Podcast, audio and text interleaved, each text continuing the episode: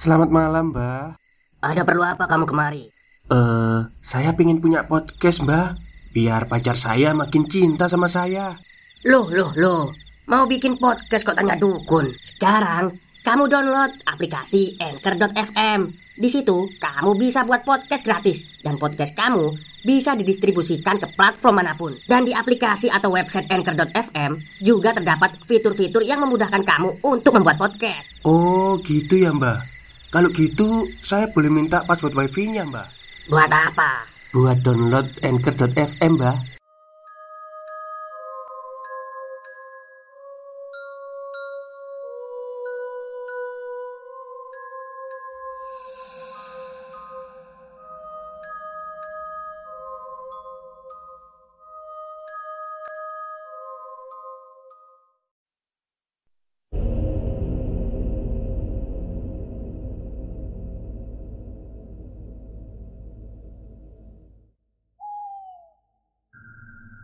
Assalamualaikum warahmatullahi wabarakatuh. Halo semuanya, jumpa lagi dengan saya Chow Sing Sing Kurator dari podcast Horror Night Story.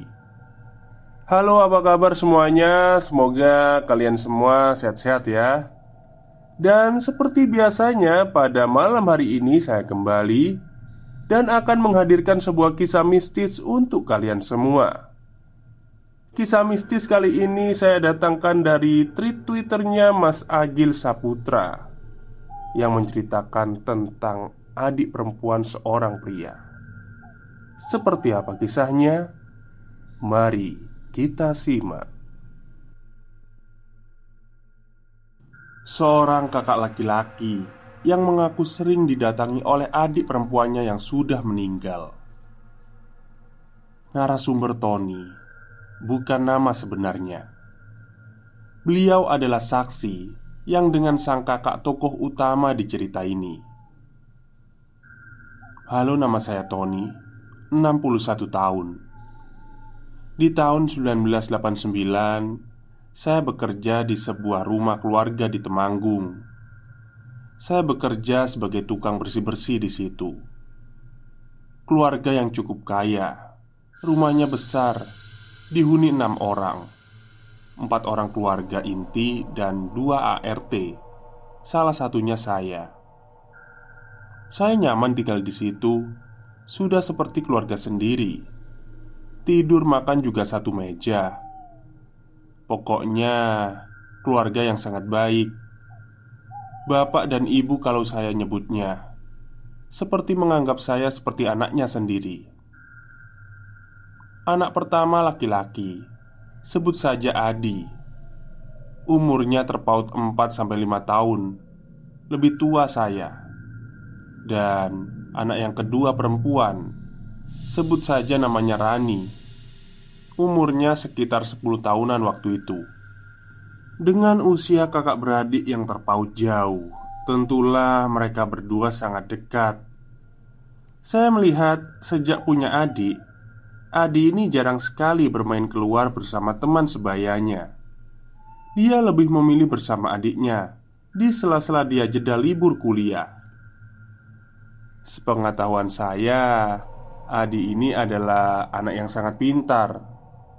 Di tahun 95, dia sudah menyandang gelar S2 dengan adiknya yang baru saja masuk SMP. Singkat cerita, di tahun 96-97 kalau tidak salah Mereka sekeluarga pergi ke sebuah tempat pemandian. Ya waterpark lah kalau sekarang. Waktu itu saya ingat acara padusan. Sejenis tradisi Islam Jawa Sebelum menyambut bulan puasa. Biasanya pada mandi di tempat pemandian umum gitu Tadinya saya diajak, tapi karena di rumah banyak kerjaan, saya memilih untuk jaga di rumah saja. Entah gimana ceritanya, ternyata di pemandian itu terjadi insiden. Jadi, Sirina itu hilang di pemandian. Karena saking ramainya, sampai akhirnya Rina ditemukan tenggelam. Pas dievakuasi katanya belum meninggal. Tapi karena katanya air sudah masuk ke paru-paru Nyawa Rina tidak tertolong Pas mau dibawa ke rumah sakit. Saya tidak tahu menau. Tahu-tahu ada ambulan Datang ke rumah bawa jenazah. Kaget banget sih. Soalnya tiap hari si Rina ini suka jahilin saya Tadi pagi waktu berangkat juga masih ketawa-ketawa. Saya yang ikut membuka pintu ambulan. Ternyata ada Adi yang ikut di dalamnya. Dia tengah menangis Di tengah jenazah Rina. Mas Tony. Adi berurai air mata memanggil saya. Rina Mas Tony. Sambil dia turun lemas Dan saya papa. Sementara para perawat menurunkan jenazahnya. Rina yang sudah dikafani Seketika saya pun ikut menangis. Sembari masih berpikir Apakah ini benar-benar terjadi? Saya mencoba menenangkan Adi. Singkat cerita proses pemakaman selesai, dan pada malam harinya biasa ada tradisi melean di rumah duka. Sementara warga melean di depan rumah, saya menemani Adi yang tengah melamun di pekarangan belakang rumah. Saya pun duduk di sebelahnya, tak enak hati dan bingung untuk memulai percakapan. Sambil saya membawa segelas kopi Saya bicara Iki mas, kopi nih Adi menjawab dengan nada lemas. Iya mas. Sambil mengusap-ngusap wajahnya. Beberapa menit kita hening Tak ada pembicaraan. Dan tiba-tiba Adi menangis sesenggukan. Adik udah gak ada mas. Aku yang salah Harusnya tadi aku ngawasin. Saya mencoba menenangkannya. Udah mas, udah yang tabah. Sekarang kita doain adik aja ya Kataku sambil mengusap air matanya. Adi pun menjawab Iya mas. Singkat cerita satu hari, tiga hari, tujuh hari, empat puluh hari, seratus hari, bahkan seribu hari sudah lewat. Tapi saya lihat hanya Adi yang masih sangat berkabung. Dia suka melamun di teras belakang, kadang terlihat menangis dari kejauhan, tapi buru-buru diusap ketika saya sedang bersih-bersih di depannya. Dan di suatu malam Saya memergoi Adi berkelakuan aneh. Jadi waktu itu sekitar jam sebelasan. Ketika saya mau mengecek gembok pintu gerbang Saya melihat Adi sedang berdiri sambil berkaca. Jadi Kamar saya itu misah dari rumah. Di pinggir pekarangan dan jalan menuju pintu gerbang itu Melewati kamarnya Adi yang waktu itu tirainya belum ditutup dan lampunya masih terang. Saya melihat Adi sedang mengenakan seragam SMP milik Rina. Berkaca, melenggak-lenggok sambil senyum-senyum gitu. Saya sempat berhenti dan melihat mendekat ke jendela itu. Tapi beberapa saat kemudian, Adi seperti sadar kalau sedang diintip. Dia pun melihat saya lewat pantulan kaca cerminnya. Bukannya malu atau bagaimana, Adi malah tersenyum, tidak menoleh, tapi memandang lewat pantulan cerminnya, dan dia berkata, "Eh, Mas Tony, hihihi," sambil menutup mulutnya. Saya buru-buru menundukkan badan, tapi yang bikin saya ngeri Suara itu jelas bukan suaranya Adi Tapi suaranya Rina Karena saya sangat hafal dengan semua logat dan suara semua keluarga yang ada di rumah ini. Saya langsung lari ke kamar dan tidak jadi mengecek pintu gerbang depan. Di kamar, saya mencoba berpikir kalau itu bukanlah suaranya Rina, tapi suaranya Adi yang sengaja dibuat-buat. Tapi ngeri dan aneh saja melihat seorang cowok memakai baju seragam SMP cewek dan melenggak-lenggok di cermin di malam hari sambil tersenyum-senyum pula. Stop, stop. Kita break sebentar. Jadi gimana? Kalian pengen punya podcast seperti saya? Jangan pakai dukun, pakai Anchor. Download sekarang juga. Gratis. Keesokan harinya, semua seperti biasanya. Tapi pagi sekali, Adi sudah terlihat duduk di teras belakang sambil melamun. Matanya hitam cekung, seperti orang yang kurang tidur. Saya yang biasanya menyapa masih takut untuk memulai pembicaraan karena kejadian semalam. Tapi tiba-tiba saja Adi berbicara. "Wah, tadi malam aku nggak bisa tidur, Mas." "Kenapa ya, Mas?"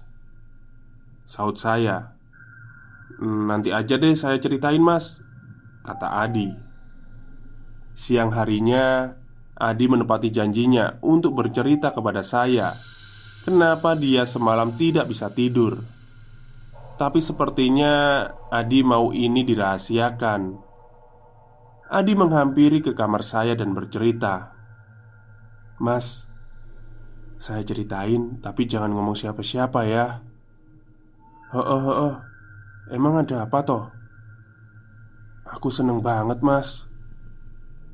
"Maksudnya piye?" "Tadi malam jam 11 Rina kembali pulang, Mas." "Hah? Pulang?" Saya semakin tidak paham dengan pembicaraannya. Rina itu pulang, Mas, terus meluk aku. Astagfirullah, istighfar, Mas. Rina itu udah gak ada. Sampean harus ikhlas. Enggak, Mas. Rina itu sebenarnya masih hidup.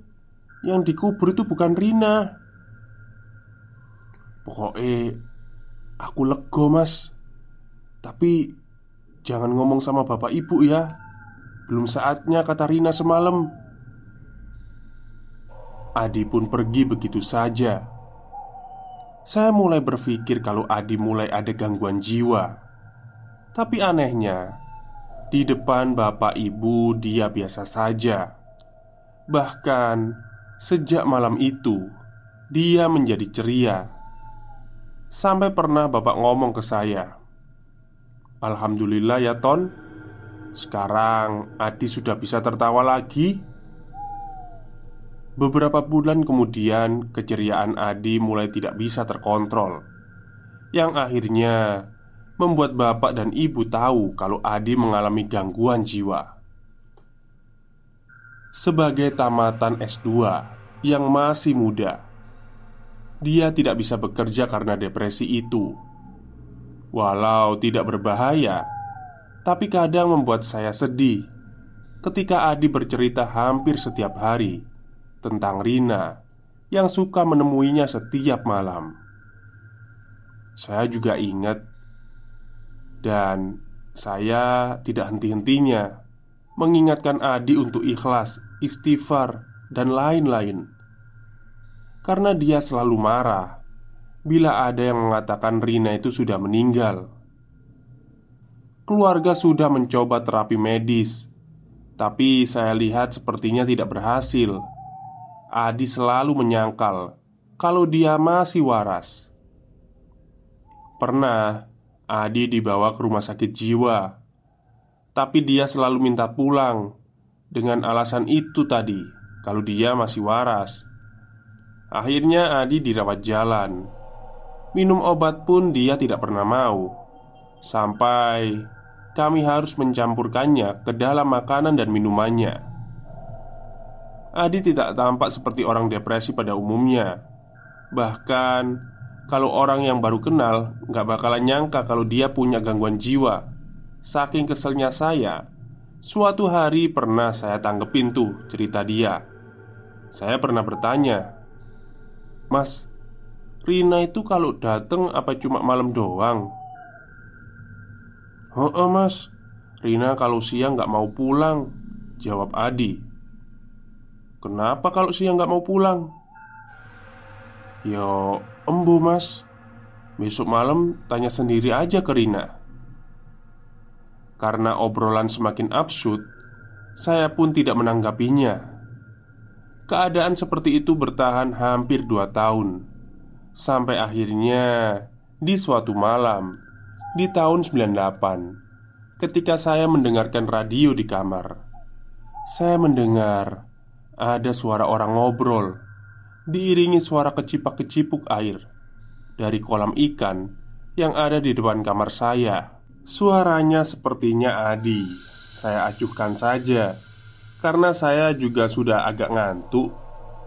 Tapi setelah saya dengar dengan seksama Sepertinya suara itu dua orang dan ada suara perempuan di situ. Saya kecilkan suara radio, dan memang benar di luar ada suara dua orang yang lagi ngobrol. Perasaan saya sudah tidak enak waktu itu, tapi saya masih mencoba berpikir kalau itu adalah suaranya Adi yang dibuat-buat. Saya singkapkan tirai seukuran mata saya, dan di situ saya melihat Adi sedang mengobrol dengan seorang wanita. Mirip Rina kalau dilihat dari tubuhnya Tapi wajahnya hitam pekat Dan matanya merah menyala Menghadap ke arah kamar saya. Sedang berbincang dengan setengah kakinya Berada di dalam air kolam. Ternyata Ada yang benar-benar pulang Rina. Itu tidak mungkin. Pasti itu jin yang berpura-pura menjadi Rina Untuk mengelabui Adi Yang sangat menyesal Dan belum ikhlas kehilangan adiknya Rina. Saya benar-benar tidak bisa tidur malam itu. Saya pikir Adi gila. Tapi ternyata Ah, saya tidak tahulah. Yang pasti saya lihat Adi ngobrol dengan sosok yang menyerupai Rina di kolam waktu itu. Kira-kira dua tiga hari kemudian, saya melihat Adi berkelakuan aneh lagi. Malam hari, sekitar jam sebelasan, Adi mengenakan baju Rina, kekecilan gitu, tapi ya tetap aja dipakai dan berlenggak-lenggok di depan cermin. Saya tidak berani mendekat dari kejauhan saja saya melihatnya. Lewat jendelanya yang tidak ditutup Dia terus bergaya di depan cermin Dengan mengenakan baju adiknya yang kekecilan banget. Saya pun bergidik ngeri Ketika dia berbalik badan Dan menyadari bahwa saya melihatnya. Dia malah tertawa Sambil menunjuk-nunjuk ke arah saya. Saya pun terpaku melihatnya Bergerak pun tidak bisa. Dan tiba-tiba Listrik padam. Suara bapak memanggil-manggil saya. Ton Ton Tolong listriknya anjlok. Nggak pak Saut saya. Saya berjalan menuju meteran listrik yang ada di depan rumah Yang mana jalannya harus melewati jendela kamar Adi Sambil agak ketakutan Saya jalan dengan membawa senter. Pas lewat depan jendela itu Entah kenapa Saya rasanya pengen nengok saja. Langkah saya sempat terhenti di depan jendela Tapi Ada bau ikan busuk Merinding. Saya pun mempercepat langkah Buru-buru menghidupkan listrik. Sesaat setelah listrik menyala terdengar suara ibu dari dalam rumah. "Ya Allah, Adi!" Saya pun bergegas berlari ke dalam. Ternyata ibu kaget melihat Adi yang mengenakan baju Rina tengah jongkok di lantai Sambil menggaruk-garuk kuku kakinya sampai berdarah Nyebut di nyebut Kata ibu Adi seperti tidak menggubris Tiba-tiba saja dia tertawa terbahak-bahak dan pingsan. Ibu menangis. Saya bersama bapak mengangkat Adi ke ranjangnya. Dan ibu menyeka lukanya Sambil menangis.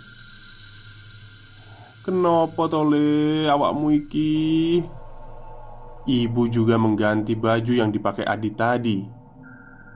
Ini momen yang sangat menyayat hati bagi saya Bapak mengajak saya keluar Dan kita pun ngobrol-ngobrol di ruang tamu Sebenarnya Adi itu kenapa ya Ton?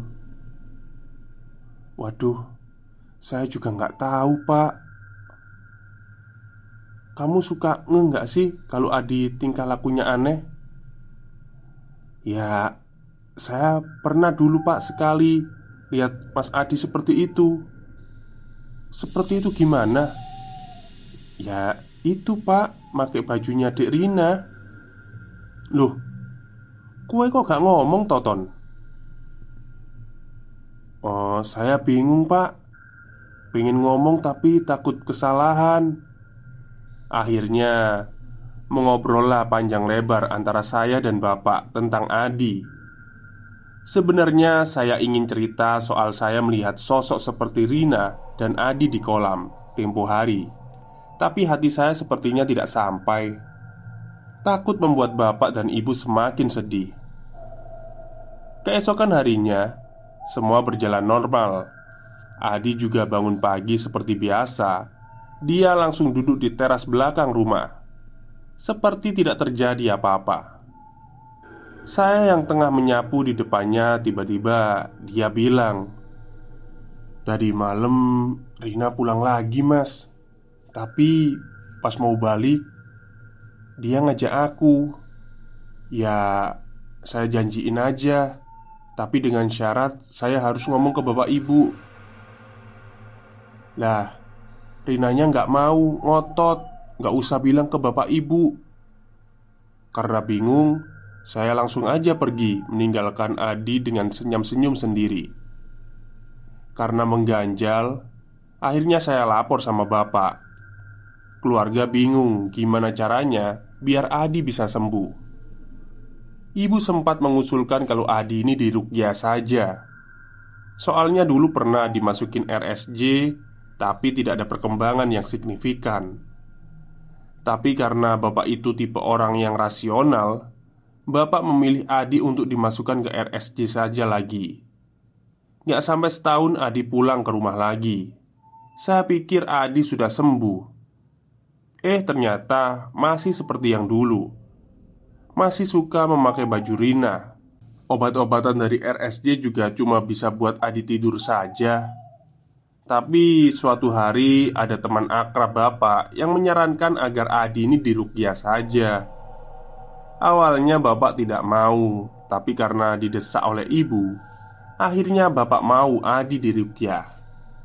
Kira-kira seminggu kemudian, Adi dirukyah.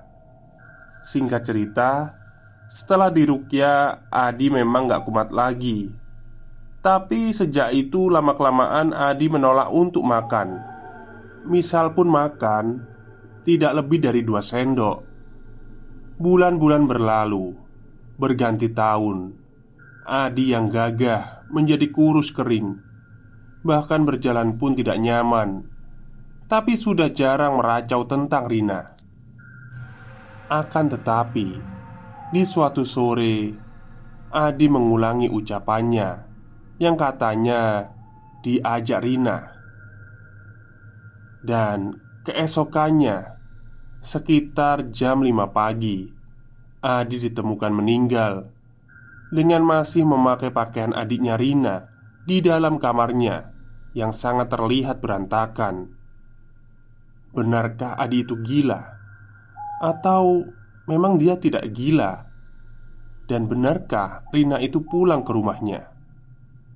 Sejak saat itu saya sudah mulai tidak nyaman bekerja Akhirnya saya mencari seribu alasan untuk pamit mengundurkan diri.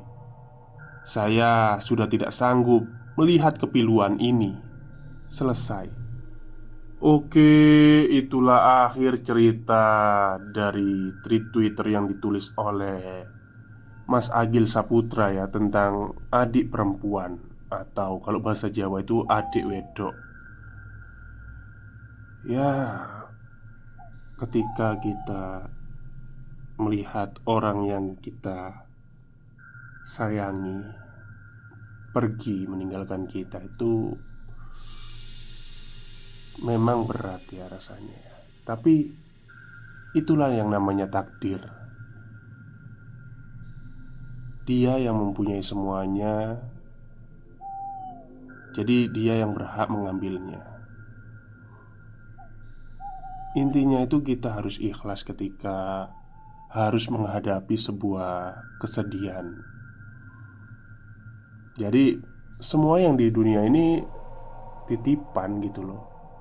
Kita nggak berhak mempertahankan gitu, dan kita juga tidak berhak untuk menyalahkan yang di atas ketika itu semua sudah diambil oleh yang di atas. Ya, mungkin itu saja cerita untuk malam hari ini.